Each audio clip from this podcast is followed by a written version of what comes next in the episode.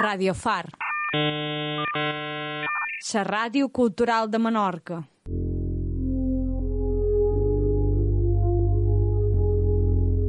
Residents.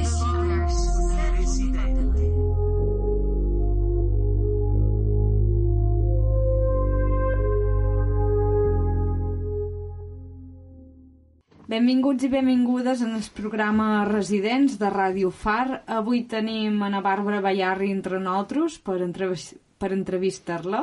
Benvinguda. Moltes gràcies, estic molt agraïda d'estar aquí. Uh, bueno, Bàrbara Ballarri, tal vegada vos sona el nom perquè és la presentadora i coordinadora, si no record malament, del programa Sample Filosòfic, que també emetem a Ràdio Far eh, una vegada en es més, sincerament no record el dia, i que vos convidam eh, a que l'escolteu. Per introduir, també per fer aquest nexe, eh, com descriuries el programa de sample filosòfic?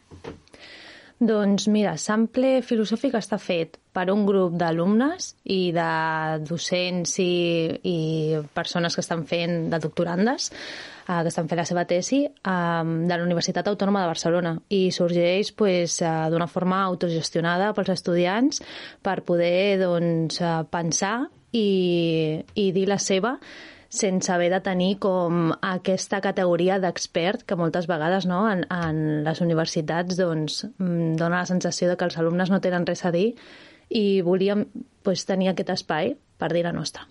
I que, sobre quins temes conversau o pensau? Doncs sobretot en la intersecció que hi ha entre art i filosofia és el que, on, on ens movem. I després, doncs, cadascú també té els seus interessos, no? Un dels últims programes era de filosofia i música. Um, altres eren pues, de l'estètica de les dades, no? De com exposem um, coses tan complicades com una base de dades um, i diferents temes, però sempre des d'aquesta bastant artística i filosòfica. Que serà un poc la conversació d'avui, no? Perquè, en el fons, Uh, bueno, tu ets filòsofa i investigadora, actualment estàs fent el doctorat i, mm -hmm. i bueno, mos, jo crec que ara veurem no, cap on va la conversa però que ens explicaràs un poc sobre aquestes qüestions, interseccions entre art, filosofia, pensament, curadoria, etc etc. Uh, per començar i perquè jo m'empapi també de, de totes aquestes qüestions Uh, podries fer una breu introducció a quina és la investigació doctoral que estàs desenvolupant? Sí, mira, m'agrada que hagis dit lo de les interseccions perquè mm, només mm, per fer com un breu, un breu parèntesi i ho lligo amb el que amb la pregunta que m'has fet ara um, normalment la filosofia més acadèmica um, té sempre com aquest, aquesta aura no, d'estar de, com poc lligada a la vida més terrenal, més física, més corporal, no? fins i tot diríem.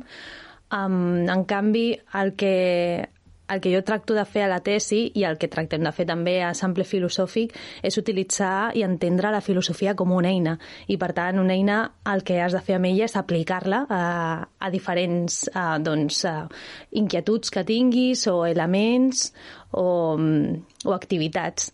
Llavors, en el cas de la tesi, el que faig és aplicar-la al món de, dels museus i pensar doncs, com estic investigant com es genera el coneixement en els museus per poder fer tota una mm, genealogia crítica des de discursos emergents com el feminisme o les pràctiques de colonials, eh, però també per poder fer una part propositiva i mm, diríem doncs, més eh, creativa eh, que estigui bueno, en, en aquesta en, a, en aquest intent més d'imaginar altres museus possibles.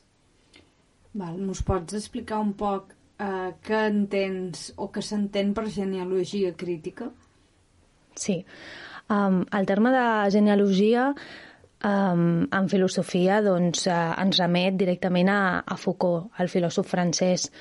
I en el, en el cas de com la faig jo a la tesi, uh, l'utilitzo per poder fer com una revisió que, que em porti a entendre per què els museus són ara com són, Um, que no vol dir que sigui una revisió, per exemple, amb un ordre lineal i cronològic, perquè Foucault, per exemple, doncs, trenca amb això i ell parla de, de la història efectiva, no? i de com a la història hi ha disrupcions, i hi ha ruptures, i hi ha salts bruscos, i en canvi després relatem les coses no? com si tot hagués tingut una coherència i una progressió. Per, perquè tal vegada ara me descarril de, del mm. tema, no? però per què tenim aquesta tendència a explicar la vida i la història de, del cosmos, de la humanitat, d'una manera lineal? És una pregunta que se m'escapa, però crec que té molt a veure amb el poder.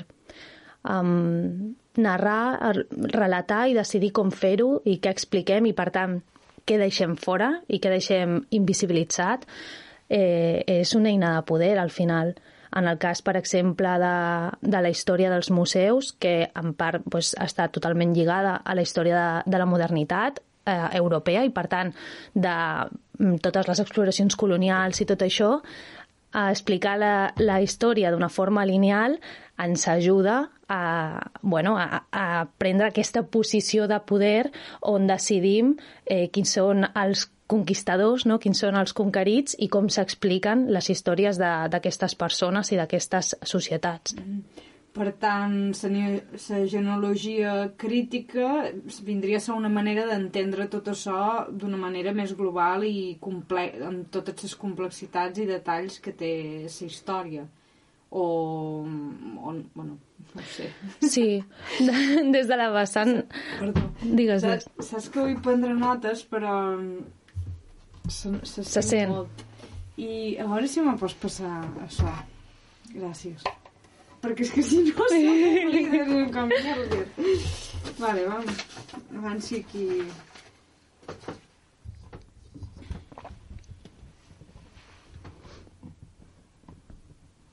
Tor eh, torno a repetir això, vale? I, i ja enllaçam. Uh, per tant, es podria entendre, o per lo que m'has explicat, m'ha vingut en el cap eh, la genealogia crítica com una manera d'entendre la història des de, amb tota la seva complexitat i des de les diferents veus i experiències que, que, que es donen en, un, en una situació concreta. Per exemple, en aquest cas, posem-li la guerra d'Ucraïna, no? que uh -huh. encara com que està molt sentit vindria, aniria per aquí o, o va molt més enllà de tot això? Sí, la meva intenció era, ja et dic, poder entendre per què són els museus ara mateix com són. Llavors, per poder-ho entendre has de fer com... has d'anar moltes vegades cap enrere i, i també cap endavant, eh? Um, I sí, la genealogia crítica ens serviria per això. M'ha agradat molt que, que has comentat, lo de la diversitat de veus, perquè justament doncs, el relat lineal, no? que és aquesta retòrica de la modernitat que ens ha explicat les coses d'una determinada manera, um, ha deixat fora moltes veus, no? i s'han expressat les coses en, des de... O sigui, el lloc d'enunciació sempre ha estat un joc eh, dominant, un, un, una enunciació hegemònica, i que ha mostrat un relat únic, no? I, i amb una sola veu. Llavors, fer aquesta genealogia té a veure justament amb poder recuperar um, d'alguna manera uh, totes aquestes parts que, que en el fons s'han doncs, donat, no? de disrupció, que dèiem, de ruptures, i, i poder veure què ha quedat silenciat i que, quina part d'aquesta mirada um, opaca no ens saltem, no? I, i, i de cop sembla que no ha estat, però no és que no hagi estat, sinó que no se li ha donat lloc. En el cas de, de la institució museística, que és cap on va més enfocada la teva tesis, um, és a dir, com, com podem percebre si una institució museística està reproduint aquests, uh, aquests discursos de poder, um, bueno, mhm. -huh. anava a dir-ho d'una altra manera, però en el fons té a veure amb això, i uh, quins quines pistes mos pot donar també una institució museística eh, que estiguin donant compte de que s'estan incorporant canvis per, per, per fer un museu més, més divers i més accessible a tot tipus de persones. Doncs, mira, sincerament, el que, el que m'agradaria dir-te és que, que és, és molt fàcil veure-ho i, i seguir com un xecs, no? I, com unes categories, però no, no funciona així. El que, el que, el que passa és que tot i que els discursos moltes vegades van, estan, estan lluitant i estan mobilitzant i, i estan pisant fort, no? tipus pues, el feminisme que dèiem, no? les pràctiques de colonials, doncs s'estan fent eh, moltes accions i, i hi ha un pensament en curs molt actiu. Però, tot i això, al museu, en realitat, el que ens trobem sovint és eh, el que Foucault eh, anomena com lògica d'inclusió exclusiva. Això vol dir d'incloure eh, a tot allò que no és el subjecte dominant, que el subjecte dominant uh, de la modernitat doncs, ha estat un home, um, no? Eh, eh, clar, és un subjecte burguès, colonial i patriarcal. Per tant, um, aquesta enunciació uh, de la modernitat ve sempre dictaminada no? per la dominació d'aquest subjecte eh, que, que us dic ara. Llavors, què passa? Que el museu està fet des d'aquí i eh, cap aquí. I fins i tot quan tracta de sortir-se d'aquesta lògica eh, on incloure a tot allò que no sigui aquest subjecte, que diríem pues, les dones, els cossos no blancs, eh, les, les classes obreres, eh, els nens, eh, totes les persones amb diversitat funcional, els cossos no normatius, tot, tots aquests entrarien en el, en el pack, per així dir, de a, allò altre, no? De l'altre. No? Exacte, en realitat són la gran majoria. Uh, li, li diem minories polítiques, però són la gran majoria, no? Um, doncs, això, el museu eh, sempre reprodueix aquesta violència, no? que és aquesta, aquesta lògica on inclou aquestes minories, però ho fa deixant clar que, que en realitat eh, no estan a dins. Per això és una lògica d'inclusió no? excloent. I com les inclou, entre cometes? Sí.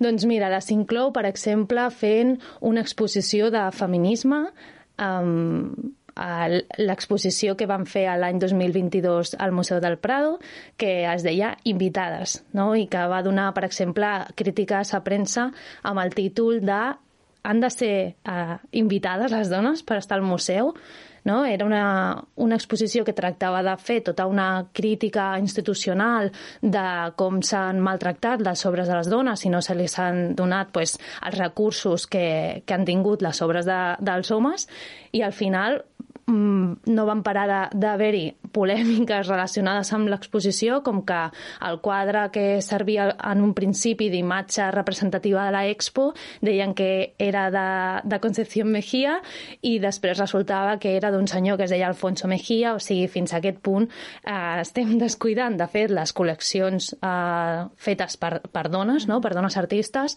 que ni tan sols doncs, tenim clar eh, quina, com fer la, la seva cartela i que sigui correcta, no? O sigui, la història de la peça, no? No hi ha un registre cuidat, no? Uh -huh.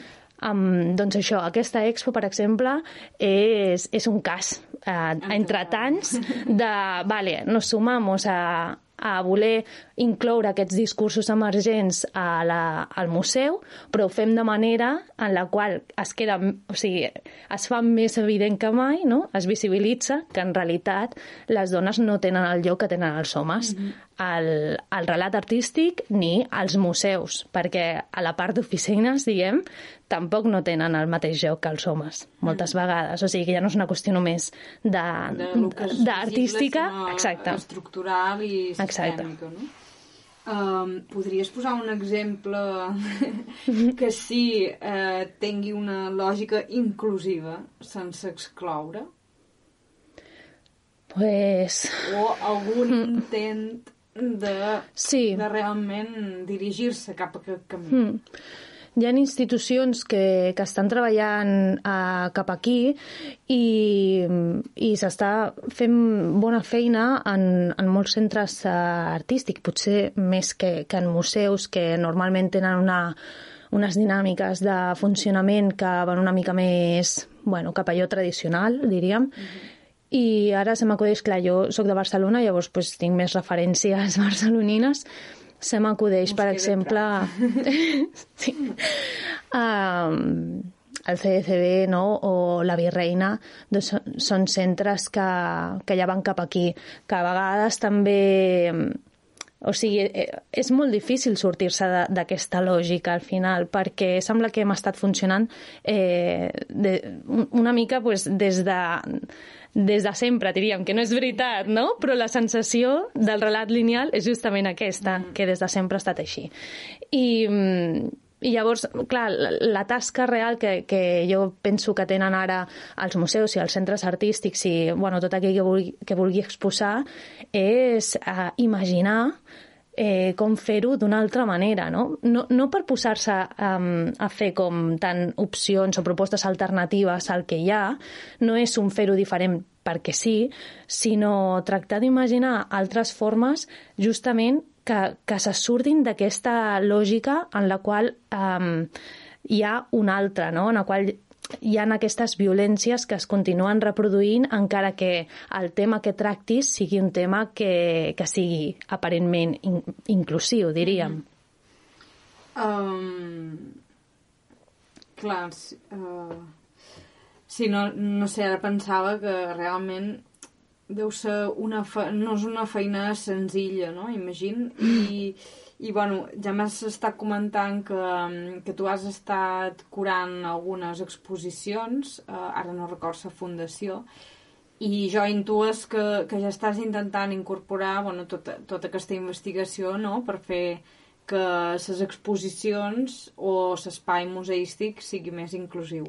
Llavors, mm, m'us podries explicar un, un poquet com intentes eh, revertir aquestes lògiques eh, mm. dominants? Sí, i t'ho puc dir justament eh, posant de manifest el que considero que són com els, eh, els meus errors en comesos, diríem. Um, I és que jo vaig comissariar efectivament un, un cicle d'exposicions a l'any 2008 de vuit exposicions a la Fundació Josep Quinovar. I un dels errors, per exemple, que vaig cometre només començar aquell cicle és que vaig anar amb les meves idees de, en aquell moment d'estudiant de, uh, que viu a Barcelona a un poble de Lleida, a Gramunt, que és un poble molt petit, de 5.000 habitants, si, si no m'equivoco, um, i, i, i em vaig plantar mm, com posant allà la meva idea com si, o sigui, totalment fora de lloc en realitat, perquè vull dir, Uh, òbviament s'entenia, no estaven parlant en idiomes diferents, però no, no ho vaig pensar realment, tenint en compte quines eren com les necessitats del poble o els interessos, les inquietuds, i, i això, per exemple, considero que va ser una, un dels primers errors. P Perdona, podries mm. concretar, o sigui, introduir-nos de què anava el cicle d'exposicions, amb quina idea vas anar, mm. i així crec que s'entendrà sí. més... Uh, a què t'estàs referint? Vale.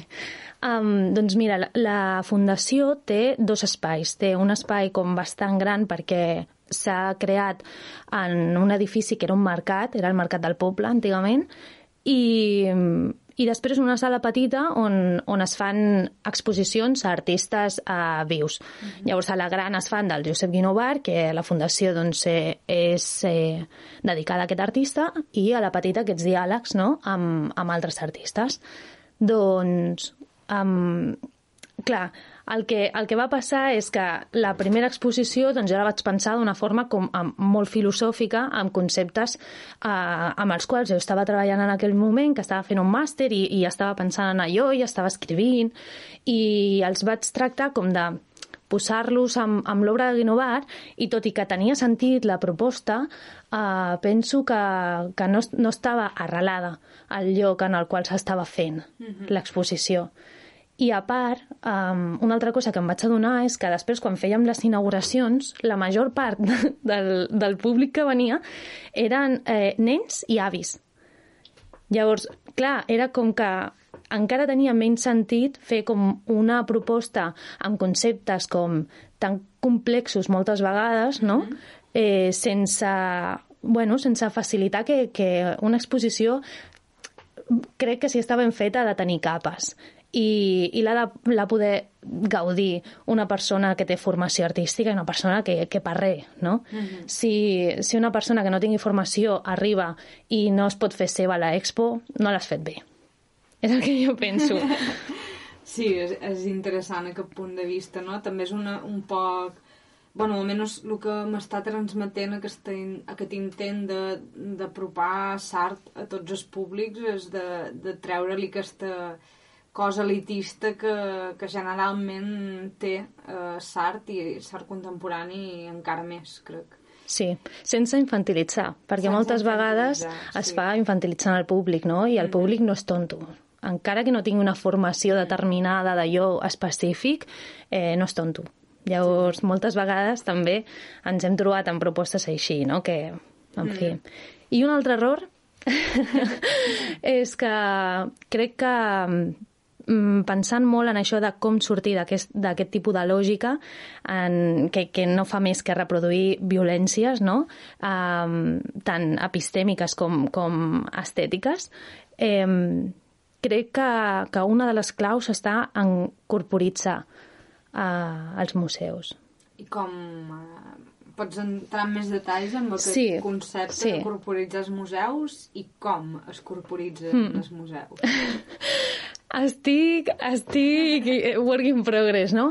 Però uh, hi, ha, hi ha coses que tenim com molt integrades, tipus que ha d'haver-hi un text de sala, que t'ha d'explicar una mica pues, uh, de què va la expo, i després que ha d'haver-hi com uns criteris de tipus eh, cronologia, autoria, um, fins i tot pues, posem dimensions, estils, no?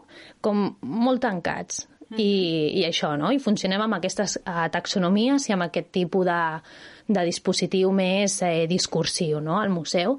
Però després, eh, si tu vols, mm, per exemple, um, seure al terra, segurament vindrà un senyor eh, o una senyora de, de seguretat i et dirà que no pots fer-ho, no? O sigui, hi ha tota una part en la qual entrar a un museu és gairebé eh, un corrector de la postura, no?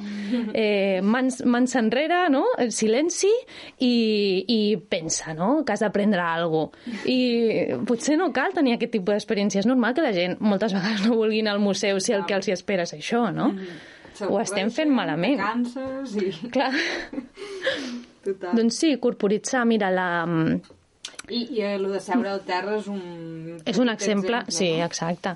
És que, per exemple, totes les visites guiades que, que es fan eh, estan dirigides per la paraula i, i mai són unes indicacions on tu puguis tenir com una, no sé, prendre consciència de, del teu cos i de com es relaciona en aquell, eh, pues en, amb aquella sala, amb aquella arquitectura, amb aquelles obres o amb les peces que hi hagi, perquè potser no són unes obres físiques no, el que hi ha, però hi ha tot un camp relacional a les exposicions que de cop, si tu només eh, arribes com amb aquella frontalitat de mirar i continuar caminant i torno a mirar i, i penso i, i marxo i es perd com pues, gairebé totes les possibilitats que té, no? Però clar, és això que et deia d'atrevir-nos no? a tenir aquesta audàcia d'imaginar altres formes d'estar en el museu. Sí, i que ens ho permetin, perquè és això, si et fan fora... Sí, sí. Uh, exposar-se, no? Ara pensava en els temes les visites guiades que uh, bueno, recentment estic, uh, estic duent algunes a terme en el Museu d'Art Contemporani de l'O i són coses que me qüestionen i que per falta de temps no acab de trobar es mm. com fer-ho, no? Com, com rompre un poc amb aquestes dinàmiques de jo sóc qui té coneixement, qui explica les mm. obres i qui decideix quines obres miram i quines, i quines no. I, i clar, és com que pens que, que el fet de corporitzar un museu, mm. o en aquest cas corporitzar una visita guiada, du un temps de, de procés de, de reflexió i d'assaig i error, mm. no? De, de, provar, de voler-ho provar, d'experimentar i d'equivocar-te i de rebre molts, en plan, això no m'interessa, no m'agrada. Mm. No? Uh, llavors, tu tal vegada coneixes més experiències i me sembla superinteressant que hagis tret aquest tema perquè aquí no, a Menorca museus en tenim molt pocs, no? I, i d'art menys. Uh, ara és una cosa que, que comença a estar més en auge, encara que més des del camp de les galeries, però que crec interessant com que, que plantegis aquestes qüestions perquè mos hi trobarem, no? Mm. Ara jo he començat a fer aquestes visites, però tal vegada que un temps hi haurà un altre museu que també proposarà activitats educatives i són coses que, que, a lo, que el més probable és que segueixin reproduint les lògiques que tenim tan integrades i que sabem que, entre cometes, funcionen, mm. o que pensam que funcionen. Llavors, eh, no sé si tens algun exemple eh, d'altres formes de, de fer visites guiades eh, en un espai expositiu eh, o simplement pinzellades, coses que es poden tenir en compte per, per revertir tot això. Hmm. Doncs sí. Clar, jo et diria que el primer que ens hem de treure al cap és la idea aquesta de que les coses són com són. I més encara en un museu, no? que ha de ser, en principi, un espai on la sensibilitat i, i, i el cos eh, pugui experimentar i explorar. Llavors, sí que tinc exemples. Al Museu Picasso de Barcelona vam fer una visita amb una docent i coreògrafa que es diu Laura Vilar, que ella ens va proposar justament una, una pràctica o una visita eh, totalment corporal. Ens va donar unes indicacions i primer vam començar que vam entrar a la sala, ens va dir 5 minuts per entrar com vosaltres vulgueu i van fer la clàssica visita de donar un, una vuelta al ruedo no? I, i mirant mm, seriosos cada peça i sortir. I llavors a fora ens van fer uns bueno, quan dic a fora vull dir al passadís, mhm. -huh. vam fer uns exercicis de respiració i ella ens va proposar que féssim un, un exercici de propiocepció que és eh, Com, perdó? de propiocepció, que és sí, um, posar com consciència a totes les parts del cos i des de la propiocepció tu, la teva mà sap uh, on està el teu peu i on està com la taula Uh -huh. Hi ha tota aquesta, mm, diríem, com intel·ligència, no? aquesta percepció uh, del cos. Llavors, aquest exercici consistia en que ens imaginéssim que posàvem ulls a, a diferents parts del nostre cos. I ens va dir, doncs poseu un que estigui a l'esquena, ovarius, els que vosaltres vulgueu, no? Potser voleu un gros o voleu molts petits, poseu ulls a, la, a, les, a les palmes de, de, de la mà, a les plantes dels peus, i després vam entrar a l'Expo amb aquests ulls i llavors ella ens deia clar, ara um, poseu consciència en què veieu la, tot, veieu la sala, veieu les obres amb cada un d'aquests ulls. I, I clar, et passa que de cop quan prens com aquesta consciència corporal i entens que és veritat, si tu et concentres, uh, el, tu perceps on s'acaba la sala en la qual mm -hmm. estàs. No necessites mirar per, per notar-ho, no? I et mareges i tot, o sigui, perquè no estem gens acostumats, no?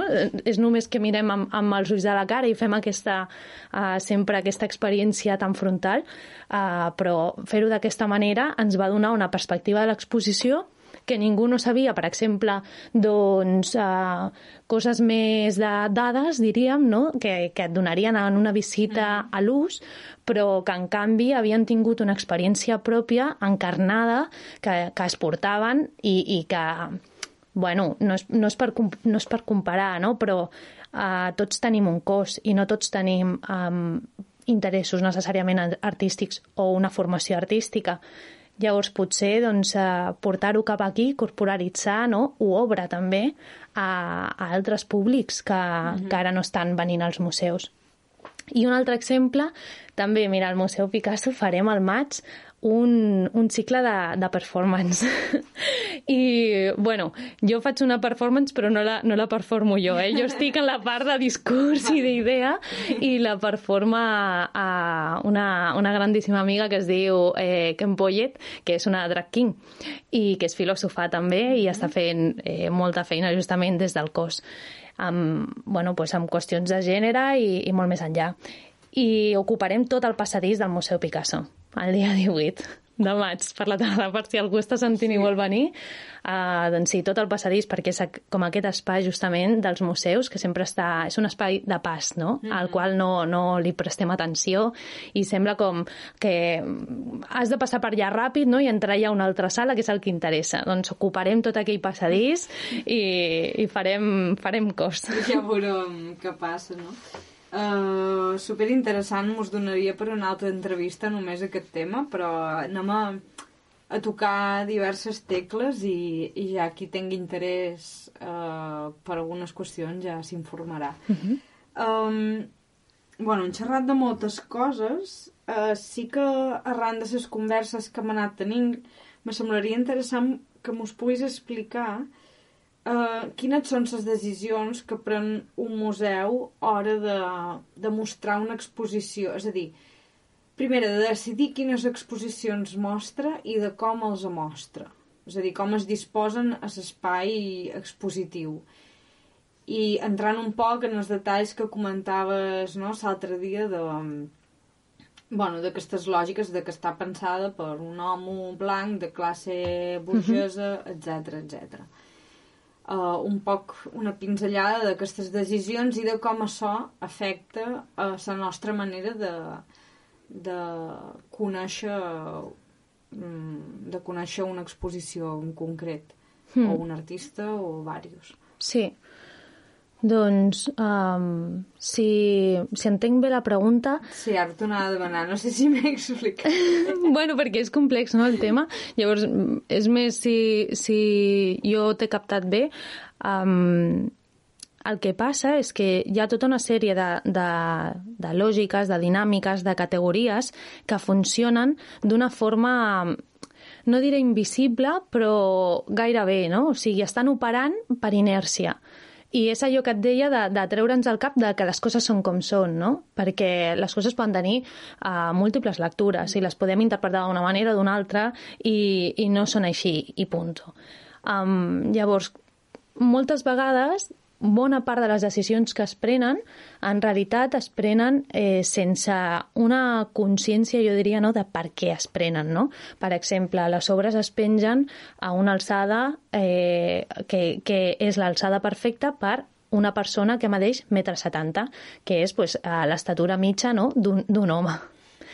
Um, no crec que hi hagi gent al museu um, necessàriament que estigui pensant ho estem fent per això, no? ho estem fent perquè la pengem per un home. No, senzillament doncs, eh, és, és aquesta idea de no, es fa així perquè, clar, és que les, funciona així, no? Mm. I no ens preguntem com d'on venen aquestes coses i, i per què uh, ho, ho decidim fer d'aquesta manera, no? I, i ja ni, ni parlem quan, quan pensem, per exemple, en, en cossos no normatius o en persones amb diversitat funcional, que és que ho tenen eh, difícil, però a més no poder, no? Hi ha, hi ha museus directament als quals no poden accedir. Mm -hmm. I, clar... Clar, no estem xerrant només de, de barreres arquitectòniques, sinó de de físiques moltes penjar vegades. una obra d'art a 70 ja també és un altre tipus de barrera arquitectònica, no? Podrien xerrar. Bueno, clar, és que per una persona que va en cadira de rodes, per exemple, o per un nen, um, li estàs canviant tota la percepció, de fet, no? Imagina't que, que a tu te la posessin a, a 2,50, no? Uh, D'alçada, doncs és que no, no podries... Mm. Potser, bueno, seria una altra manera de, de relacionar-te amb l'obra, però clar, posar una mica com consciència a, a per què es prenen aquestes decisions, més que no qui les pren, perquè ja et dic, moltes vegades qui les pren no, no, no té com aquest background perquè mm -hmm. pues, o no ha fet la revisió uh, genealògica o el que sigui, és igual, no? I sobre altres qüestions, més enllà de la disposició de, dels elements, per exemple, el tema de les carteles, dels textos de sala, de... què més podrien dir? Mm -hmm. sí, mm. ara mm, són les que me venen, no? Però també, mm. també el que passa, el que deies abans, recuperant eh, que has fet referència a les persones que vigilen les sales, mm. el fet de no poder xerrar, de mm -hmm. no poder-te seure, dialogar davant d'una obra, etc mm. etc. Sí, hi ha, una, hi ha una expo molt interessant que va fer Jorge Luis Marzo, que es deia um, no, no tocar, exacte, es deia no tocar, i tractava justament eh, com tota aquesta dimensió de, del control dels cossos, no?, i, i ho feia d'una forma com, eh, bueno, amb un punt d'humor, eh, que és que agafaven tots els partes que havien fet les persones encarregades de, de la seguretat i de, i de la neteja, però crec que era fonamentalment de la seguretat del museu, tipus, o sigui, els partes, clar, són són fantàstics, no? Perquè igual són frases, uh, per exemple, com eh, entran hormigues, se fumiga, se resuelve el problema.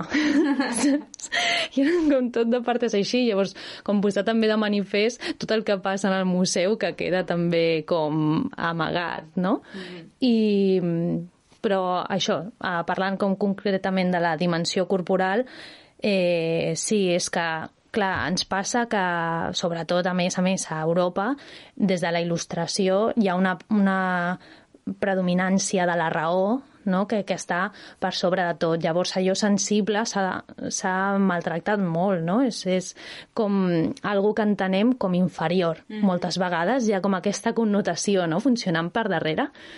I, i clar, pues, als museus, tu parlaves abans d'aquesta jerarquia d'haver de fer una visita i et sents com que t'has de posar no? per, per sobre del coneixement de la gent que vindrà a fer aquesta visita i, i que has de donar com una lecció, no?, gairebé, d'una classe magistral, però al museu, no?, de... A, a, jo jo t'ensenyo alguna cosa, no?, i, i en, tenim encara com eh, tota aquesta dinàmica de funcionament i, clar, molt discursiva, Mm. Clar, també és una cosa de... De vegades prens... bueno, ara prens, eh? Prens aquesta decisió o te preocupa aquesta, aquestes qüestions pensant que el públic també t'exigirà això. Ja. Yeah. I, i a lo millor el que han de començar a rompre és eh, el públic no, no mos exigirà mm. això, el públic com més còmode s'hi senti segurament més disfrutarà i per sí. tant més ganes tindrà de tornar però sí que, com que estem tan ficats amb aquestes dinàmiques, amb, amb aquest mm. predomini que, que ho has dit, no, ara, de la raó, del pensament, del coneixement teòric, mm. etc., eh, estem tan fotuts allà que pensant que el públic també m'ho exigirà i tal vegada hem de començar per treure això del pensament Clar i a partir d'aquí comença el canvi, no? Sí, jo crec que si, si tu quan, quan fas una activitat així la programes i, i la publiques, no? fas una difusió, doncs si poses un títol en el qual s'entengui que hi haurà com aquest, aquest enfoque, diguem, corporal, mm -hmm. uh, penso que a partir d'aquí a qui li agradi o no li agradi, en realitat mm, no, ens hem de, no ens hem de regir per això, no? perquè les propostes que artístiques no, no s'han de fer per, per agradar no? ni per complaure. I, I hi ha una responsabilitat per part dels museus i per part dels professionals d'entendre de, això i de sostenir el malestar, per exemple, en aquest cas, de que a una persona no li agrada. Però després també passa que, per exemple, si fas una visita uh, tradicional no? I, i, i fots allà un rotllazo increïble no? i totes les dades i anys i coses. I després hi haurà gent que, que la veuràs que, que agotada, no? Pensant a veure si ja s'acaba això i marxo a fer una birra fora. Clar, és que no ens preocupa tant, no? Perquè és com, bueno, però jo he fet el que havia de fer. Doncs canvia com el que penses que has de fer i, i portar-ho cap a un altre lloc. I més tu, que ets performer, Marina. Sí, no, no. Bueno, ja... Això ja, ja en xerrarem després fent una birra. um, ara ja... A veure, espera. Bueno, ja tenim una bona estoneta, però m'agradaria acabar de tractar un parell de qüestions antes de concloure l'entrevista. I jo no sé si té a veure amb la teua tesi o no, però uh, tinc un dubte, mm -hmm. vale? I és, és la diferència entre curadoria i comissariat. Mm -hmm. És a dir, eh, a vegades xerram amb uns termes o uns altres i més o manco si no si no coneixes a fons la eh, terminologia de la paraula o, o tot el que hi ha darrere ho entens com, com la mateixa cosa. Mm. Però el que estic veient és que, en el teu cas, per exemple, empres curadoria sempre, no, uh -huh. no te fa referència a comissariat. I me sembla interessant que mos puguis explicar quines són les diferències entre un terme i un altre, entre una pràctica i una altra, i mm, si és que n'hi ha, que jo intues que sí. Uh -huh. Doncs... I... Vale. Sí, això. Sí? Per començar. Vale, doncs comencem per aquí. Um, mira, per mi la... vaig pensar molt en això perquè, clar, és un concepte clau a la tesi, llavors volia saber exactament doncs, um, quin, quin emprar, no? I vaig escollir el de, el de curadoria, que a vegades utilitzo comissariat perquè hi ha gent que, que està molt més familiaritzat amb aquest terme i, i bueno, tampoc cal ser purista, no? Mm -hmm. Però uh, a l'hora d'escriure sempre utilitzo el de curadoria perquè per mi té aquesta etimologia del curar, del cuidar. I justament si volem no? corporitzar les pràctiques i dispositius del, del museu, eh, doncs portar-ho, no? portar els termes també eh, cap a aquesta part més mm. sensible i més corporal. I, I és per això que jo ho, ho distingueixo així en el sentit de, de que penso que si nosaltres ara parléssim de curadoria i de comissariat estaríem parlant del mateix, mm -hmm. però la intenció, penso, de, almenys la meva, no? a l'utilitzar el concepte de curadoria, és entendre també no? o sigui, que, que funcioni amb el concepte tota aquesta dimensió que, que és més pues, de, de la cura. Mm -hmm. No, bueno, eh, totalment lògic, no?, que Vull dir que és evident que s'està xerrant de lo mateix, però incorporar lo simbòlic, no? La importància del mm -hmm. llenguatge també construeix maneres d'entendre d'entendre les coses que m'ho rodegen. I ja m'imaginava que anava per aquí, però... és a dir, que en termes, en termes pràctics eh, no hi ha tanta diferència. O, mm. o tu consideres que sí? No, la, la etimològica, o sigui, ens podríem com ja ficar en aquestes qüestions, eh, clar, no, no, no, no és la mateixa. Per això et dic que en el cas de la curadoria pues, anem més cap al curar i cap al mm. cuidar i, i a mi m'interessa més això. Uh, però, però tu quan veus uh, comissari en una exposició o curador, no? bueno, en anglès, per exemple, el curator està molt més... Mm, no s'utilitza el, el comissari, no? s'utilitza aquesta, altra, aquesta altra manera eh, estem parlant del mateix, exactament. Mm -hmm. L'únic és això, no? com la dimensió que tu li vulguis donar també al, al concepte. Uh, bueno, ja, ja per anar acabant, uh, quines, uh, o sigui, per què vas decidir treballar sobre aquestes qüestions a la teua tesi? D'on sorgeix aquesta necessitat o interès per enfocar tants anys de la teua vida i tan intensos a, a investigar i pensar sobre l'espai museístic i la curadoria? Mm. Doncs uh, sorgeix de, de quan vaig acabar la carrera, anar fent com el TFG, eh, vaig entendre allò que t'he dit abans, justament al principi, de, de que la filosofia és una eina. I, i llavors vaig acabar la carrera i vaig pensar, vale, si és una eina, on l'aplico? I pensant com a mi que, que em vibrava no? i que m'interessava, eh, vaig anar cap a la cultura. I em va sorgir la possibilitat de fer aquesta, aquest cicle de, de curadoria i fent-lo mm, tot va, tot va quallar, no? Vaig pensar, ostres, tota aquesta part tan de, de, no només de teoria, sinó de posar el cos, no? I, i aquesta vessant sensible, que evidentment doncs, té l'estètica, eh, per mi era de cop poder-ho aplicar allà on, on més m'emocionava i m'interessava, no? I, bueno, dic interessava i moltes vegades és un mal de cap, eh? perquè anar pensant en tot això eh, normalment és com tenir molts dubtes oberts i molt poques respostes al final, no?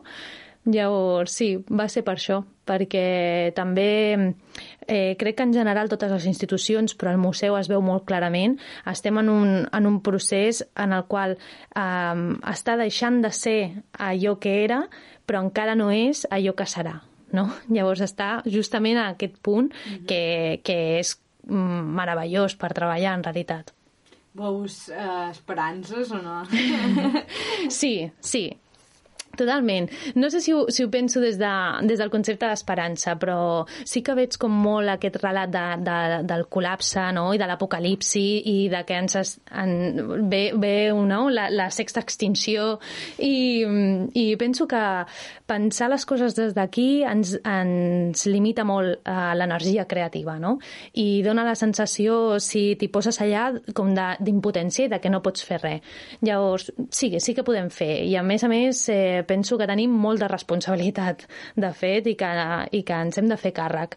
I en els museus i en totes les altres institucions mm. i, a, i a casa nostra i a tots els àmbits de la vida, no? Fer-nos responsables de, justament com de allò que està per fer encara, no? I, i per crear i imaginar perquè ara, clar, si, si t'ubiques en una lògica de, de col·lapse, ai, perdó, de col·lapse...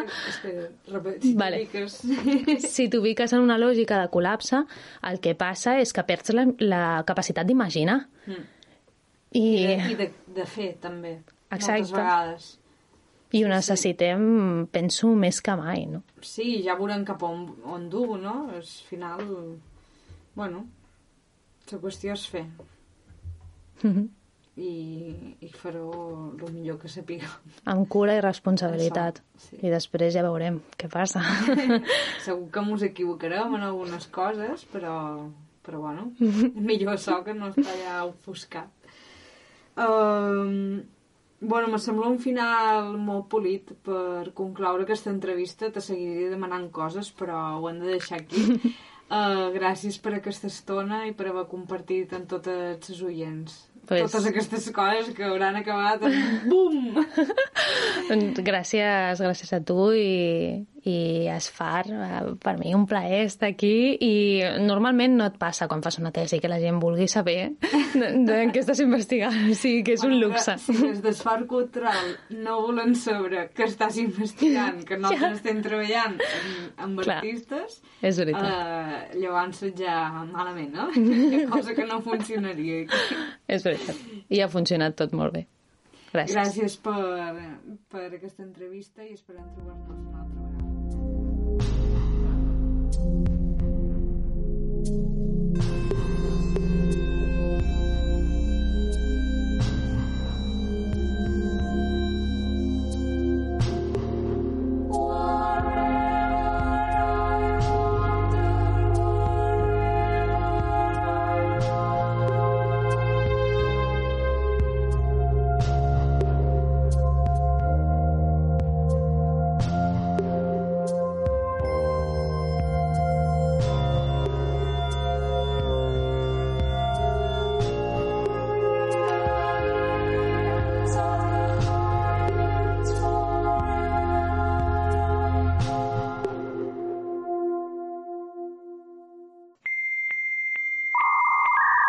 Radio Far.